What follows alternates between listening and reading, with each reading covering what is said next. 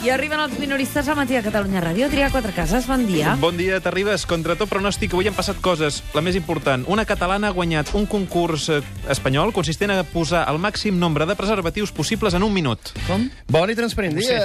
Preservatius transparents, transparents Sí, com el sí, dia. Escolteu, ja ho veuen. Els catalans novament liderant l'estat espanyol en alguna cosa. Som la locomotora que estira el carro fins i tot a l'hora de posar condons. I disculpin l'expressió. Sí, la virtuosa del profilàctic es diu Esther Barrabeig i va aconseguir col·locar 11 preservatius en 60 segons. On o... treballa aquesta noia? No sé, no tinc el plaer. O el que és el mateix, un profilàctic... treballa amb lloc- una, amb una...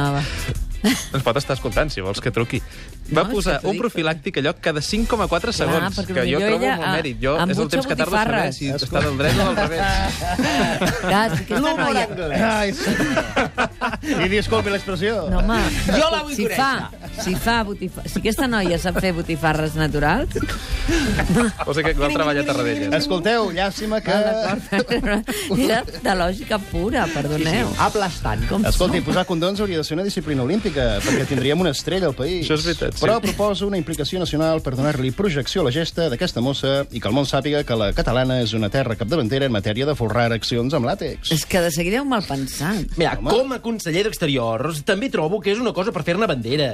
És més, de la mateixa manera que a Euskadi, quan reben un alt dirigent, tenen un ballarí que fa un aurresco de benvinguda, Sí. proposo que quan vingui un primer ministre o un rei a Catalunya sigui rebut solemnament amb una exhibició de posada de condons en el seu honor. Exactament. D'això va la cosa. Molt bé, amb la senyera, una xant de fons, una filera de Mossos, Clar de sí. gala, en formació, i l'Ester col·locant profilàctics a una dotzena de vibradors plantats davant de l'Obama o de la Merkel. Preciós. Preciós, bonic. molt preciós. També hem sabut que el rodatge de la nova temporada de Joc de Trons s'està endarrerint perquè necessiten que nevi per rodar les escenes. Ei, aquesta excusa me l'apunto per si hem d'endarrerir el tema del procés i fem curt amb els 18 mesos. Veus? Si ens passem de data, direm que és per culpa de que ha nevat poc. No sé si colarà. I la política catalana ha reaccionat a la suspensió de les estructures d'estat per part del Tribunal Constitucional. El líder del PP català, Xavier García Albiol, s'hi referia amb aquestes paraules. Aquesta sentència que anul·la les estructures d'estat posa sobre la taula que a Catalunya, a l'estat de dret, mal que li pesi a Puigdemont i en els independentistes, està funcionant. Però un cop passat per la traductora descobrim què volia dir l'Albiol, en realitat. Aquesta sentència... Aquesta sentència, que anul·la les estructures d'estat, posa els punts sobre les is als indepes que es pensen que això és campixa i un campi qui pugui.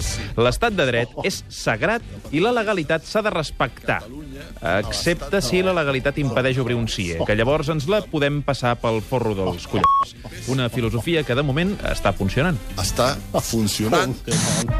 Ai, mira, avui m'ha fet gràcia això de, feina de la traductora. Molt bé, ho celebro, ho celebro. Però tot i així la portaré al Tribunal Constitucional, perquè possiblement també sigui Adrià Espringat. inconstitucional. Segur, Con todo este cuento del Procens, el Estado está gastando mucho, ¿eh? Se nos está desbordando el presupuesto en sobres y sellos por la cantidad de recursos que hemos presentado. Sí, i pel que ha pogut saber Catalunya Ràdio, l'Estat també està destinant bastants recursos a contrarrestar l'acció exterior de la Generalitat. L'informe de 25 pàgines diu d'entrada que l'acció exterior de la Generalitat va més enllà de les competències que li otorga la Constitució, perquè el govern la utilitza com si Catalunya fos un país sobirà. I arriba a la conclusió que l'acció exterior catalana perjudica Espanya perquè promou de manera deslleial una imatge distorsionada i negativa d'Espanya i del govern espanyol. És molt incòmode ser conseller d'Exteriors amb tanta trava. Sí, no? Penseu que cada vegada que vaig a fer una conferència a un país estranger, el govern espanyol m'envia el cònsul a tossir cada 10 segons durant el meu discurs. I, I per si no fos prou, també desemboliquen caramels. I vinga a fer és sorollets. terrible. És un boicot en tota regla. Actuen de forma despietada. Hola, buenos días. Soy Carlos Carrizosa, el de Ciutadans, el que siempre voy a enfadado. Bon dia, senyor Carrizosa, com està? Mira, lo peor de la acción exterior, ahora que lo pregunta Mónica, eh, exterior de la No Generalitat... preguntat res, eh? No, Es que se está despilfarrando un dinero que podría destinarse a poner pantallas gigantes para ver fútbol en las plazas, por ejemplo. Ahà, ah. Y ahora, si me disculpan, me voy a ir marchando porque tengo reunión con la Asociación de Cuñados del Vallès y no quisiera hacerles esperar. Molt ¿eh? bé, bé, és que, va, que vagi molt bé, no records. Acabamos de conocer que ya son 14 los trasladados al hospital, 6 heridos por asta de toro. Atención, hay un mozo que tiene tres cornadas y ahora mismo lo que más preocupa son dos mozos con cornadas en tórax y abdomen. Y como decías, ese parte médico puede ir aumentando a lo largo del día. Doncs mira, l'encierro d'avui s'ha saldat amb un grapat d'humans ferits, una pila de toros, ma- toros maltractats i un grapat de façanes remullades per tios que no es podien aguantar la pixera. Hola, dia a tothom. Faig un Hola, hola, com estàs? Molt bé, no tan bé com tu, guapíssima, estupenda. Quin plaer ser aquí entre vosaltres, colla de pibons, que sou tan guapos que no s'us pot mirar directament, sinó que m'he de posar unes ulleres d'aquelles fosques per mirar els eclipsis solars, perquè si no la vostra formositat em podria cremar la retina. Home, Veig que avui, avui ens ha arribat Avui és generós. Però per damunt de tanta bellesa, destaca la de la Mònica! Tan elegant, tan negra de la baix, estupenda, eleganta, sòbria, delicada, i amb uns talonassos, senyores i senyors, uns talonassos que si s'ajupa a collir una moneda li piten les orelles, com quan aterrissen els avions. Oh! Escolta, venia a parlar-vos sí, de digues. tot això del Sant Fermí. Ah, mira. Això, és- això sí que és poc glamurós. Sí. Sí, No ho sí, trobes? Sí. Ja t'ho explicaré perquè tela, eh?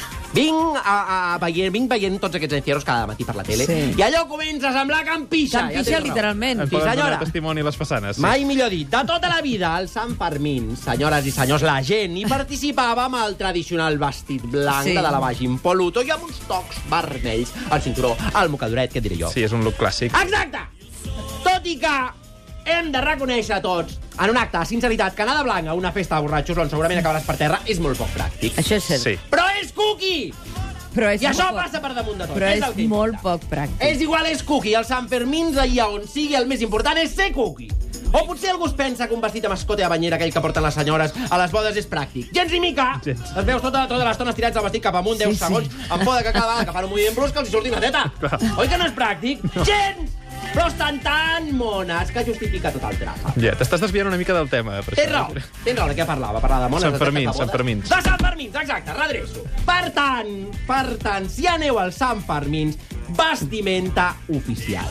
Impepinable! De blanc amb complements vermellosos per trencar el color. I mamats com a cubes, això sí. Això sí, és indispensable. Sí, sobretot. En primer lloc, perquè és una tradició. Sí. Però sobretot, sobretot, sobretot, sobretot, sobretot, perquè com no vagis torrat, no li trobaries cap gràcia a posar-te al matí de juliol amb una calor que les fa les pedres, embotit enmig d'una colla de bàrbars i posant-te a fer sprints davant de toros enfurismats. És la definició més acurada que s'ha fet mai. Exactament.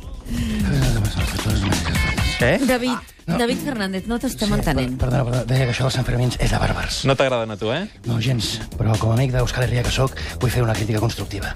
I per això, en comptes de limitar-me a renegar dels encierros, he preparat una proposta alternativa per substituir-los. Quina Quin és la el proposta? pro- Va? Sí, sí. Mira, se m'ha acudit que en comptes de deixar anar uns toros pels carrers de Pamplona, podríem deixar anar papallones. Oh, Quin que, contrast. Que poètic. Però si tots aquells que tendre. que hi van, clar, seria molt bucòlic, eh?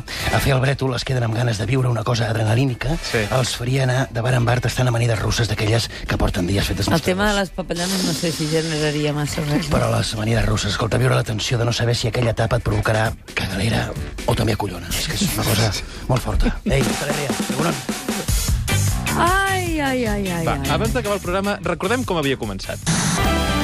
Oh, que bé, plou una miqueta aquí a la Diagonal de Barcelona, que fantàstic! Un divendres que d'estiu d'aquest de... que farà unes temperatures potser altes, però mira, està caient un ruixadet. De seguida veurem què passa, que ens ho expliquin.